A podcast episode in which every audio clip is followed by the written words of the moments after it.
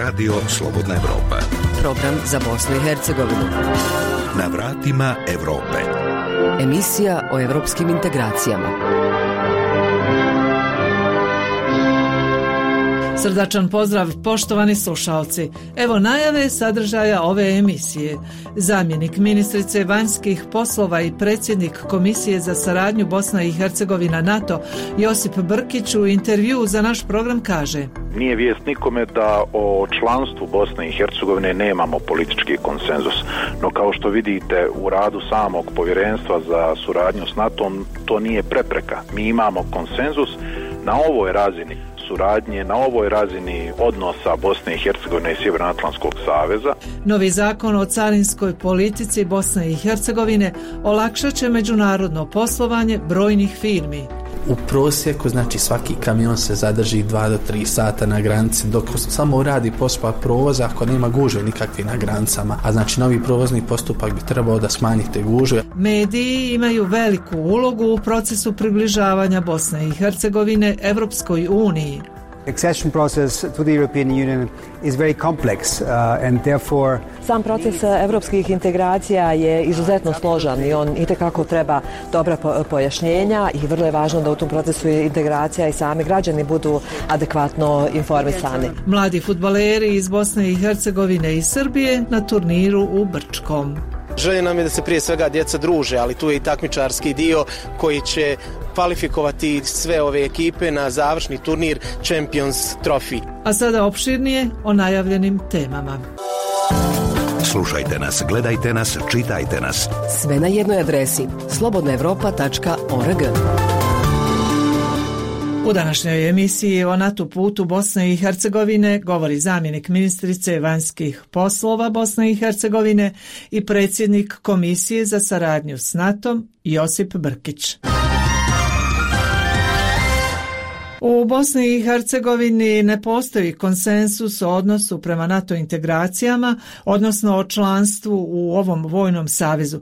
Tome se protive zvaničnici Republike Srpske koji slijede stav Srbije o vojnoj neutralnosti. U takvoj situaciji koji mogu biti dometi Komisije za saradnju s NATO-om?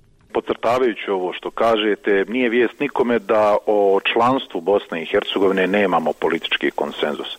No kao što vidite u radu samog povjerenstva za suradnju s nato to nije prepreka. Mi imamo konsenzus na ovoj razini suradnje, na ovoj razini odnosa Bosne i Hercegovine i Sjevernoatlantskog saveza, što je jako važno od strane Sjevernoatlantskog saveza i zemalja članica prepoznato kao dovoljno u ovome trenutku.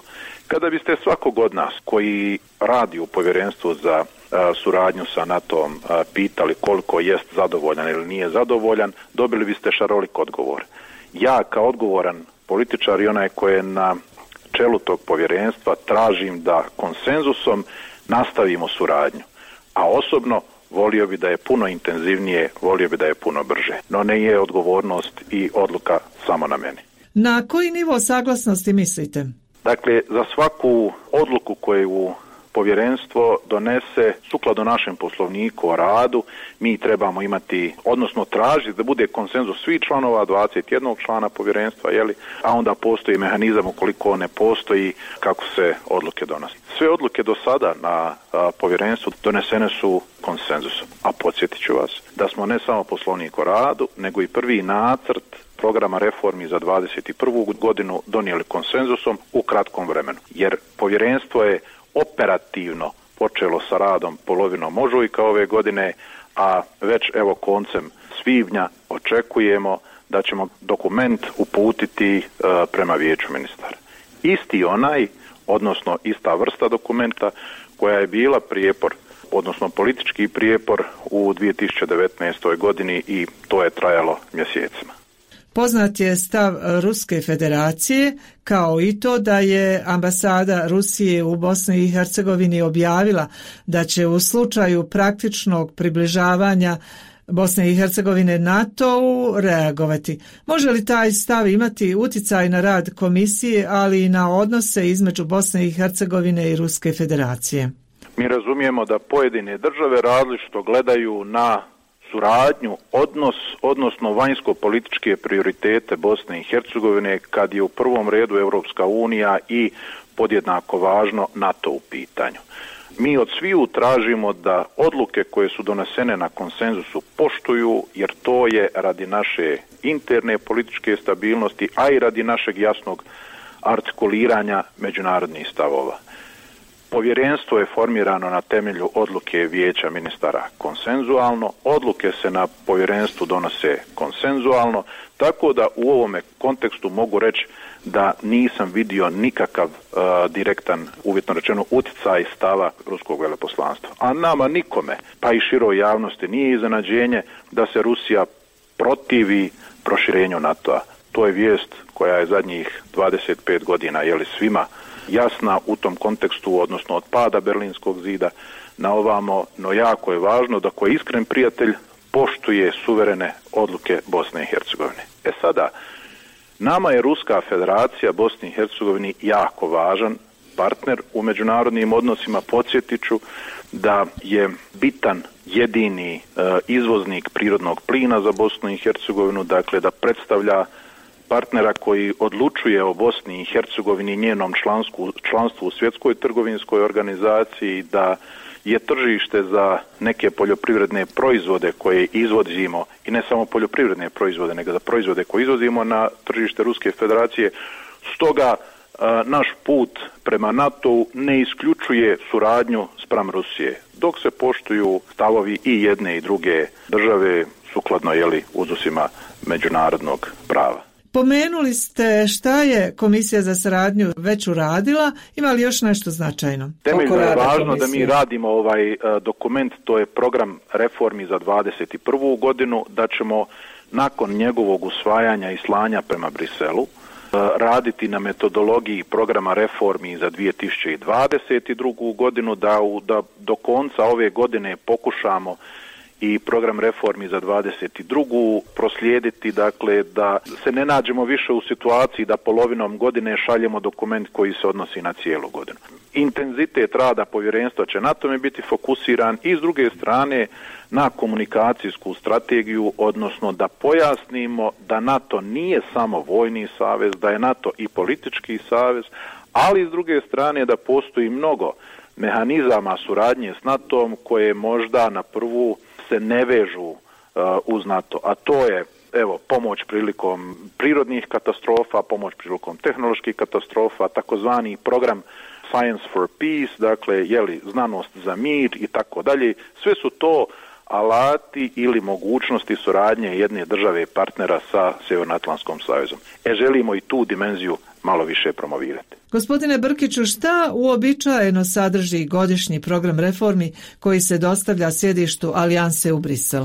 Godišnji program reformi sadrži ono sve što jedna država će u političkom, pravnom, gospodarskom, ekonomskom, sigurnosnom, resursnom smislu raditi u toj Eh, kalendarskoj uh, godini.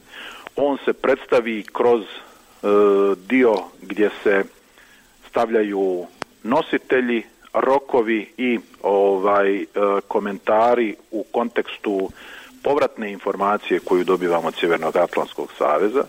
Tako smo na istoj sjednici kada je formirano povjerenstvo za NATO, vijeće ministara je usvojilo takozvanu samoprocjenu programa reformi 2019. 2020. koja je prosljeđena u Brisel. Sad očekujemo da NATO nam kaže eh, kako oni vide taj naš program i to je u principu taj jedan godišnji ciklus koji se treba ovaj redovito održavati sa Sjevernoatlantskim savezom. Bosna i Hercegovina se odlučila za saradnju, a ne za integracije sa Sjevernoatlantskim savezom. U tom smislu je promijenjeni naziv komisije. E, neki kažu da je to vraćanje unatrag u procesu približavanja NATO-u to je oni koji se fokusiraju samo na formu.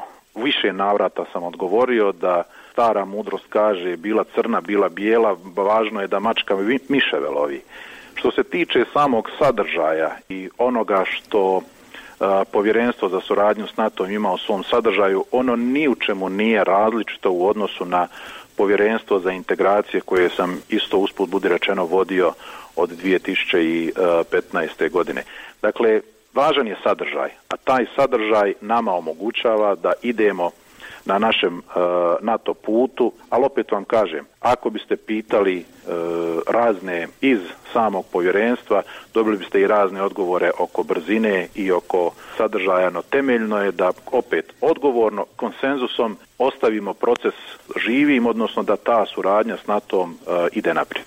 Nedavno ste razgovarali sa zamjenicima pomoćnika američkog državnog sekretara Matthew Palmerom, koji je i posebni zaslanik za Zapadni Balkan, ali i sa gospodinom Marfijem. Šta je bio sadržaj tog razgovora? Temeljno smo razgovarali naravno o radu povjerenstva za NATO gdje e, su sugovornici podržali, naravno kao što Sjedinje američke države podržavaju NATO put e, Bosne i Hercegovine. Razgovarali smo o vježbi koja je trenutno na e, teritoriji Bosne i Hercegovine oruženih snaga Bosne i Hercegovine i Sjedinje američkih država. Razgovarali smo o učešću e, Bosne i Hercegovine u operacijama vođenim NATO u Afganistanu i eventualno nekim, nekim budućim. Razgovarali smo o tome da Bosna i Hercegovina sve više e, je izvoznik, odnosno kontributor te globalne sigurnosti, a sve manje njen korisnik. Također smo razgovarali i o potrebnim reformama da ovu 2021. godinu iskoristimo kao mogućnost da pronađemo unutarnji konsenzus za izmjene ustava za implementaciju presuda Ustavnog suda Bosne i Hercegovine i preporuke koje nam daje e, Vijeće Europe i OSC, što je državni tajnik Blinken u svom pismu nedavno proslijeđenom Bosni i Hercegovini jako pocrtao. Dakle, da se dogovor oko izbornog zakonodavstva koji će poštivati i E, prava pojedinaca i legitimno zastupanje i tehničke uh, unapređenja izbornog procesa svakako uh, 10. 2021. kako bismo stabilizirali političke odnose i ušli u izbornu 2022. godinu relaksirani. Dakle, upravo o tom jednom i odnosu Bosne i Hercegovine sprem NATO-a, ali i o potrebama unutarnje političke stabilnosti u Bosni i Hercegovini kroz ispunjenje procesa i reformi koji su pred nama.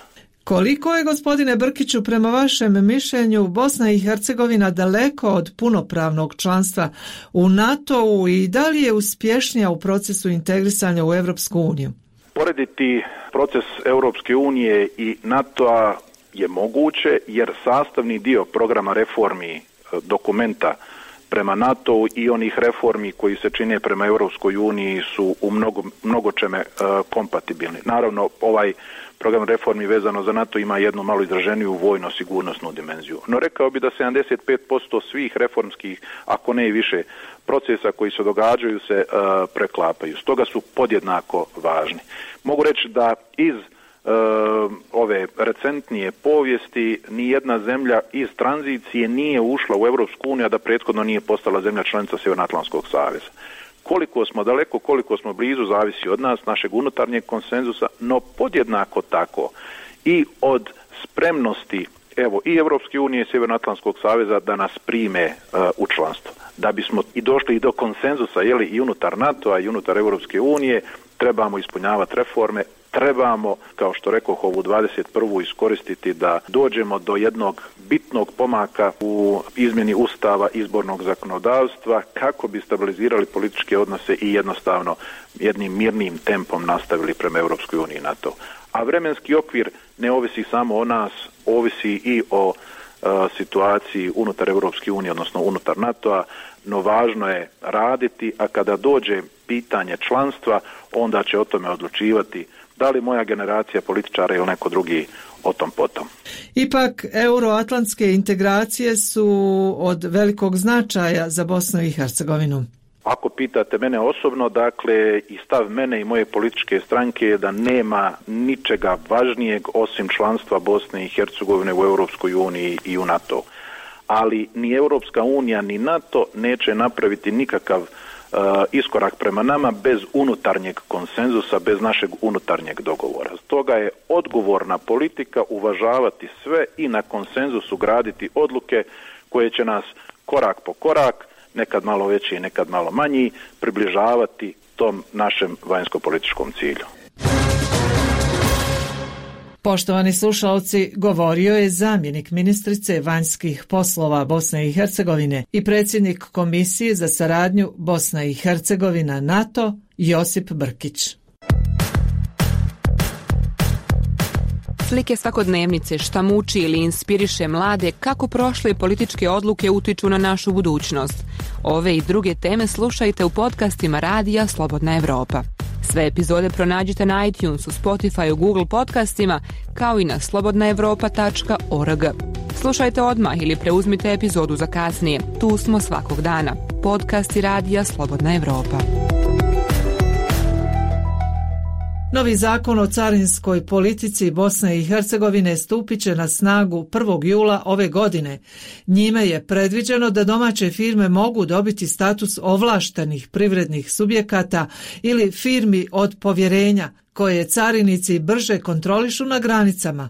Nova zakonska rješenja predstavljene su u Tešnju, o čemu informiše Arnes Grbešić. Dobijanje statusa ovlaštenog privrednog subjekta za firme koje se bave vanjsko-trgovinskim poslovanjem predviđeno je novim zakonom o carinskoj politici Bosne i Hercegovine. Radi se zapravo o pojednostavljenju carinskih procedura, kaže šef grupe za carinsku tarifu vrijednosti porijeklo robe u regionalnom centru Uprave za indirektno oporezivanje Bosne i Hercegovine u Tuzli, Nermin Jusić. To je, da kažem, jedna najveća povlastica koja do sada nije bila u starom zakonu o carinskoj politici i koja će omogućiti firmama od povjerenja, ovo namjerno kažem, od povjerenja, da jednostavnije završavaju e, svoje carinske formalnosti prilikom uvoza, izvoza roba, prilikom dobijanja pojednostavljenih carinskih odobrenja i postupaka i tako dalje. Firme od povjerenja odredit će uprava za indirektno oporezivanje. One moraju imati uređene računovodstvene procedure i sigurnosne mjere čuvanja roba u skladištima te iskustvo u vanjsko-trgovinskom poslovanju. To su firme koje do sada nisu bile ni u kakvim prekršajnim postupcima niti krivičnim postupcima koje uredno izmiruju obaveze prema državi Bosne i Hercegovini vezano za indirektne poreze. Jednostavnije će biti to da će protok roba koji oni uvoze i izvoze biti brži u odnosu na dosadašnji način carinjenja jer će imati odobrenja i u sistemu uprave za indirektno oporezivanje bit će identifikovane kao firme od povjerenja. Ukoliko bi se desio negdje neki zastoj, te firme imaju prednost da prođu prije, da se izvrši možda manji pregled njihove robe, manje kontrole. Takva rješenja primjenjuju se i u Evropskoj uniji, odnosno širom svijeta, dodaje Nermin Jusić iz Uprave za indirektno oporezivanje. Naše firme koje dobiju taj status ući će u sistem dakle i prema drugim državama i bit će prepoznate i u tim državama bit će im omogućeno da jednostavnije provode carinske formalnosti. Novi zakon o carinskoj politici Bosne i Hercegovine predstavljen je u Tešnju. O očekivanjima njemačke kompanije Manhumel koja u Tešnju zapošljava blizu 750 radnika govori rukovodilac transporta i špedicije Admir Braković svaki sat koji se uštedi na tom novom provoznom postupku je dragocen, tako da očekujemo svakako da će novi provozni postupak dovesti do ubrzavanja svih procesa i ušteda naravno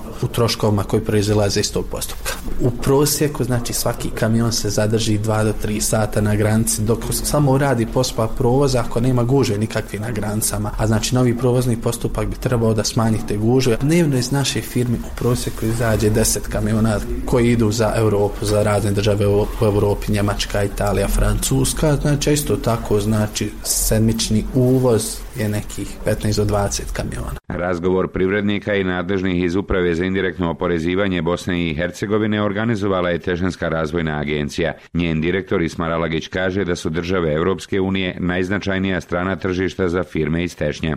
Zakon o crnama Bosne i Hercegovine je novi korak ka Europskoj uniji. To je doprinos ispunjavanju uslova porazuma stabilizacije i pridruživanja, jer porazum o stabilizaciji i pridruživanju je ne samo politički, nego i trgovinski dokument. Na taj način uvodi se popularno nazvani NCTS, odnosno crnjenje bez papira. Tešan je zadržao trend e, velike pokrivenosti uvoza izvozom, to je iznad 90 e, procenata, iz, izvoz tešnja negdje na, na nivou 360 miliona, uvoz je negdje 380 miliona. Značajno je napomenuti da je Evropska unija, odnosno da četiri države čine skoro 70% izvoza e, opštine Tešanj, to je na prvom mjestu Njemačka sa kojom Tešanj u kontinuitetu 15 godina ima pozitivnu pokrivenost. Znači, najmanje jedan i po puta više roba izveze tešanska pridna tržišta Njemačke nego što veze. Na drugom mjestu je Italija, na trećem Slovenija, na četvrtom Holandija. Ponovo Nermin Jusić. Primjena zakona počinje 1. jula ove godine. Bilo je nekoliko pomjeranja tih rokova zbog toga što nismo imali certifikovano tijelo za izdavanje digitalnih potpisa. Mogu da saopštim i tu informaciju da je uprava za indirektno oporezivanje upravo dobila e, i registrovana je kao tijelo za certificiranje elektronskih potpisa. Te elektronske potpise znači sada će moći da traže i firme i špediteri, a na osnovu tih elektronskih potpisa bit će omogućeno bez papirno carnjenje. To je nešto novo što će se desiti, ja mislim, početkom iduće godine. Novi zakon o carinskoj politici Bosne i Hercegovine usaglašen je sa propisima Europske unije, ali onim koja su se primjenjivala prije pet godina, pojašnjava Nermin Jusić iz Regionalnog centra Uprave za indirektno oporezivanje u Tuzli. Novi zakon o carinskoj policiji, on je usaglašen praktično sa zakonom koji se primjenjivao u Evropskoj uniji do 2016. godine.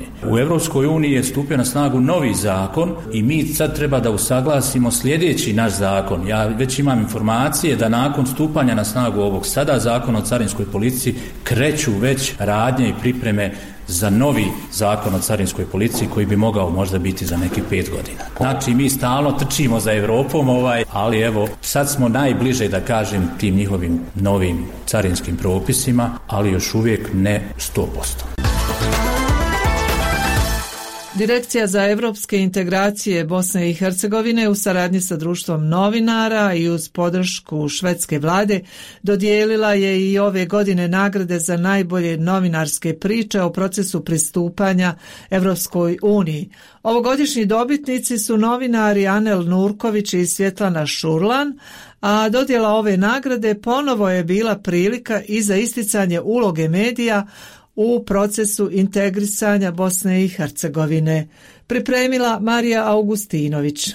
Odgovornost medija je da pričama s konkretnim primjerima građane informiraju o najbitnijim aspektima evropskih integracijskih procesa i prednostima koje donosi članstvo u Evropskoj uniji. Kaže to Svjetlana Šurlan, ovogodišnja dobitnica nagrade za najbolji pisani novinarski tekst o procesu pristupanja Bosne i Hercegovine u Evropsku uniju. Veoma važno je da se mediji bavi tim pitanjima i da uđu dublje u, u tu temu, da uzmu konkretne konkretne primjere ljude, firme, studente koji koriste e, prednosti koje nudi taj proces pristupanja Bosne i Hercegovine na Evrop, ka Evropskoj uniji, jer samo na taj način ljudi će zaista shvatiti kada vide konkretan primjer koje su sve prednosti. Šef delegacije Evropske unije u BiH Johan Sattler ocjenjuje također da su mediji značajna karika u procesu evropskih integracija. Važna uloga novinara, kaže Sattler, ogleda se u osiguravanju transparentnosti i odgovornosti u ukupnom procesu integracija. Accession process to the European Union is very complex uh, and therefore Sam proces evropskih integracija je izuzetno složan i on itekako treba dobra pojašnjenja i vrlo je važno da u tom procesu integracija i sami građani budu adekvatno informisani. Naravno, mediji i novinari u tome i igraju izuzetno važnu uh, ulogu. Ja želim uh, zaista da se zahvalim e, svim onim novinarima i medijima koji su zaista neumorno radili na demistifikaciji onih vrlo često izrazito tehničkih i uh, kompleksnih pitanja, a koji zapravo predstavljaju uslove koje Bosna i Hercegovina treba da ispuni na svom uh, evropskom putu. U direkciji za evropske integracije BiH ističu da se znatan broj novinara u Bosni i Hercegovini u ovoj godini bavio o temama koje se odnose na pristupanje Evropskoj uniji. Direktor direkcije Edin Dilberović kaže da mediji u najvećoj mjeri utječu na raspoloženje i zainteresiranost građana za procese evropskih integracija, te da očekuje da će ove teme u idućem periodu biti još zastupljenije. A ujedno i istraživanja koje je direkcija provela govore da su naši građani zainteresirani za proces u kontekstu šta on njima donosi, odnosno šta bolje donosi njihovom životu i s jedne strane, s druge strane su naravno i zainteresirani koliko taj proces košta. Upravo su mediji taj posrednik između institucija, između Evropske unije i između građana da odgovore na ta pitanja. I nadamo se da će tema evropskih integracija postati ne nešto što prati samo dnevno političke izvještaje, nego što će postati stvarno tema koja će biti udarna na svim vijestima u Bosni i Hercegovini, jer barem mi koji se bavimo procesom evropskih integracijama znamo da one u svakom svom koraku koji podrazumijeva napredak ujedno i osiguravaju bolji život našim građanima, to je ono što naši građani žele. U suradnji s društvom novinara BiH i uz podršku Švedske, Direkcija za evropske integracije drugu godinu zaredom dodjeljuje nagrade za najbolje novinarske priče o procesu pristupanja Bosne i Hercegovine Evropskoj uniji. Zamjenik šefa misije u ambasadi Švedske, Torni Svenungsson, ocjenjuje da nezavisni i kritički mediji imaju ključnu ulogu za integracijski proces. We believe that citizens deserve to be consistently and timely informed Vjerujemo da građani zaslužuju da budu stalno i blagovremeno informisani o svim aktivnostima. Švedska pruža značajnu i dugoročnu pomoć za evropske integracije, tako nadopunjujući pomoć Evropske unije. Kao dio ove pomoći, drago nam je što pružamo podršku Direkciji za evropske integracije, kako bi djelotvorno koristila finansijsku podršku Europske unije. Novinarski radovi koji su do sada nagrađivani u organizaciji Direkcije za evropske integracije govorili su među ostalim o financijskoj pomoći Europske unije, odnosno iskustvima domaćih privrednika u korištenju instrumenta predpristupne pomoći. Reforme za Evropu. U Brčko distriktu održan je međunarodni nogometni turnir na kojem se za učešće na svjetskom i evropskom prvenstvu takmičilo 50 dječjih ekipa iz Bosne i Hercegovine i Srbije. Poslušajte šta je zabilježio naš reporter Zoran Matkić. Na dvodnevnom međunarodnom kvalifikacijskom nogometnom turniru održanom na stadionu u Krepšiću kod Brčkog natjecalo se više stotina mladih nogometaša iz Bosne i Hercegovine i Srbije. Su organizator turnira Damir Radenković, direktor omladinskog centra Vermont Brčko. Želje nam je da se prije svega djeca druže, ali tu je i takmičarski dio koji će kvalifikovati sve ove ekipe na završni turnir Champions Trophy mjere koje smo morali da uradimo smanjile su broj ekipa koje će se desiti ovdje. Naravno da može i bolje i sljedeće godine ćemo ići možda na iskorak dalje, ali ovo je sasvim dovoljno i sasvim dobra prezentacija i Brčko distrikta, ali i futbala uopšte. Nikola Šarkanović, vlasnik škole nogometa BAP Eurogol, koja je također su organizator ove sportske manifestacije, kaže da su ove godine na turniru uključene dvostruke kvalifikacije. Ovo je već deveti Bulls Cup, tradicionalno kvalifikacioni turnir za Champions Trophy, finale, svjetsko finale u Austriji, u kolini Beča, kao i svake godine, gdje se okupljaju najbolje evropske, odnosno svjetske ekipe uzrasta od 9 do 12 godina. U nekim državama već se znaju klubovi koji će se natjecati u Beču, kaže Šarkanović. Imamo već na spisku učesnika i Olimpik iz Marselja i Crvenu zvezu, Red Bull Salzburg, Sturm Graci i tako dalje. Ekipa kluba Fetiko 1919 iz Orašija osvojila je prvo mjesto uzrasta djece rođene 2009. godine. Luka Mišković proglašen je za najboljeg nogometaša. Ja sam Luka Mišković, dolazim iz Orašja i, i osvojili smo prvo mjesto i nogomet trenam već 5 godina. E, pa ovdje je sve lijepo organizirano i stvarno je super. Prvo mjesto za djecu rođenu 2010. godine osvojila je zvijezda iz Gradačca. E, ja se zovem Terzić Kadir, dolazim iz Gradačca. Osvojili smo prvo mjesto. E, bilo je jako lijepo. Igrali smo dva dana turnir. E, jedna od najtežih utakmica mi je bila protiv Loznice u polufinalu. Kad odrastem, želim e, igrati za Bayern Minhen. To mi je najdraži klub, idol mi je Messi. Kod dječaka rođenih 2011. pobjedila Ilićka iz Brčkog, a 2012. pobjednik je Spartak iz Banja Luke. Zanima vas što se dešava u regiji? Radio, TV, video. Sve možete naći na slobodnaevropa.org.